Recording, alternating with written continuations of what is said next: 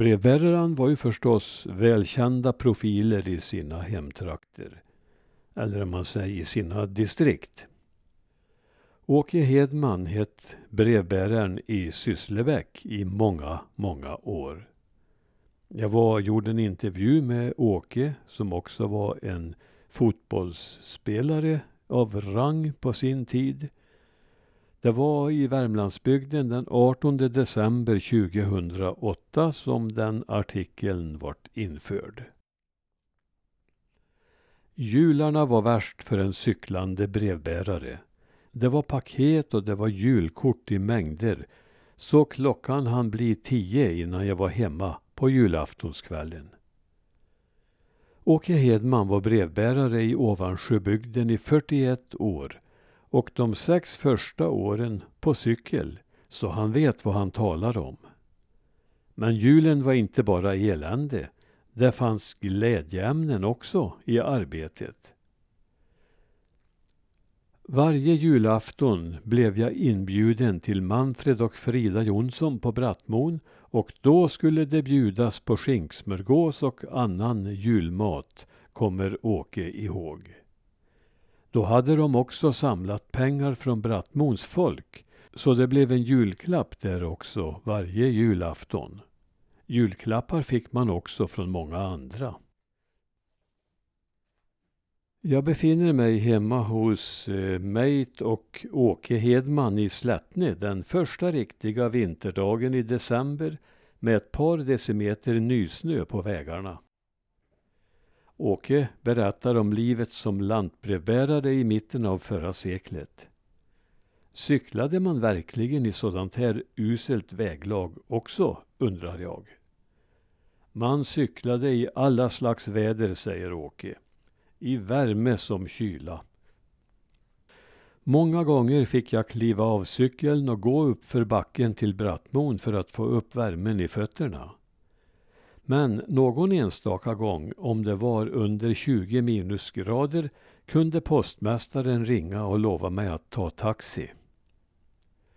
Snömodden kunde vara riktigt besvärlig.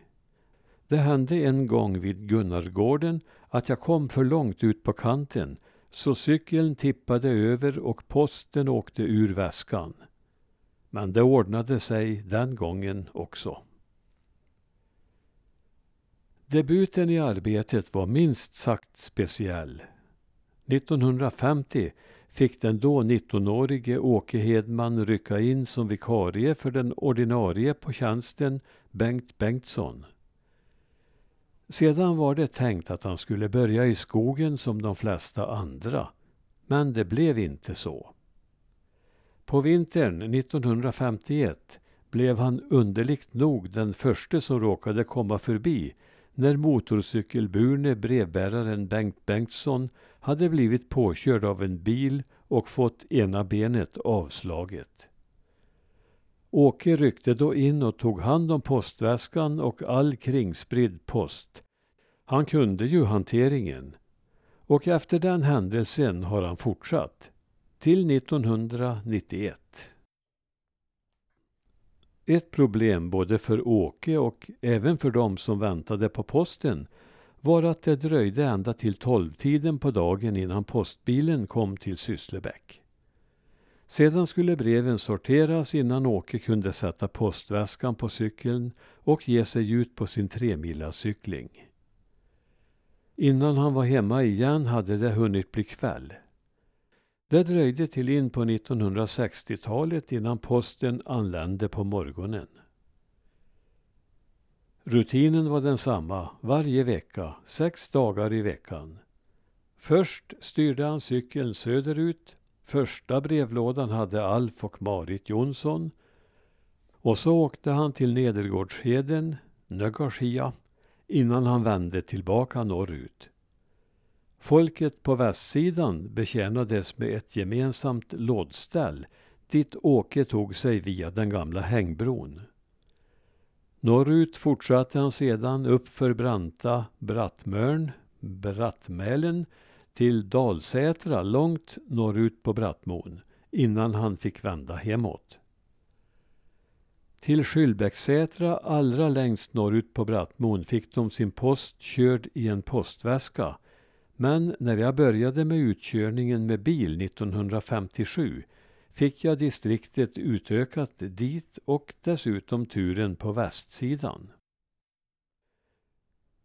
Ibland råkade Åke förstås ut för punktering på cykeln och posten blev försenad. Men folk hade god förståelse. Många ville bjuda på kaffe och alla var trevliga och vänliga.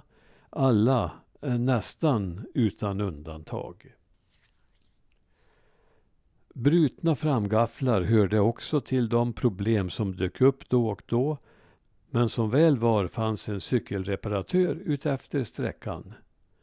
Men cykel fick brevbärarna själva hålla sig med. Vi fick väskhållare och så hade vi 18 kronor i månaden för cykelslitage, minns Åke. Full service tillhandahöll dåtidens cykelburna brevbärare. Paket kördes ut om de inte var alltför skrymmande. Bankböcker hanterades med insättning och uttag och på pensionsdagarna var det mycket pengar i väskan. Men var inte detta riskabelt? Det tänkte jag aldrig på då, säger Åke. Men visst innebar det en risk med så mycket pengar i väskan. 1957 blev Åke alltså bilburen och samtidigt utökades distriktet. Men det myckna cyklandet var inte enbart av ondo. Åke var en stöttepelare i SBIK, Sysslebäcks legendariska fotbollslag på 1950-talet, som var ända uppe i division 4 ett par år. Jo då, jag spelade halvback och hade absolut nytta av den träning jag fick på cykeln. Det var riktig konditionsträning. Fotbollen var en viktig del i Åkes liv och hans far Alf var för övrigt med och startade fotbollen i bygden, så det ligger i blodet. I 14 år var Åke med och spelade och fick med sig många roliga minnen från den tiden. Sista seriematchen för säsongen mot Forshaga då han gjorde det avgörande målet. Matchen mot Degerfors kända spelare på hemmaplanen Hedgärdet, Hiala. Punkteringen på bussresan till Lima då spelarna var tvungna att byta om i bussen för att hinna. Hemresan från Lima då bensinen inte nådde bensinröret på Klarabäckarnas buss i de branta backarna mot Långberget utan ledare Rangedal satt på huven och slog i bensin. De som gick ur och promenerade han före hem.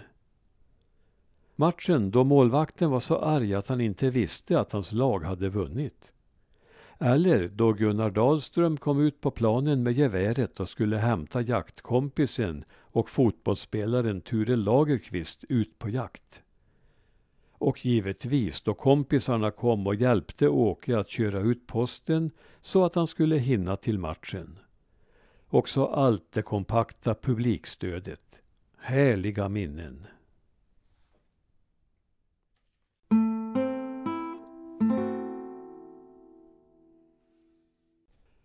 Jag tänkte läsa en bildtext där Åkes hustru Meit fanns med på bild.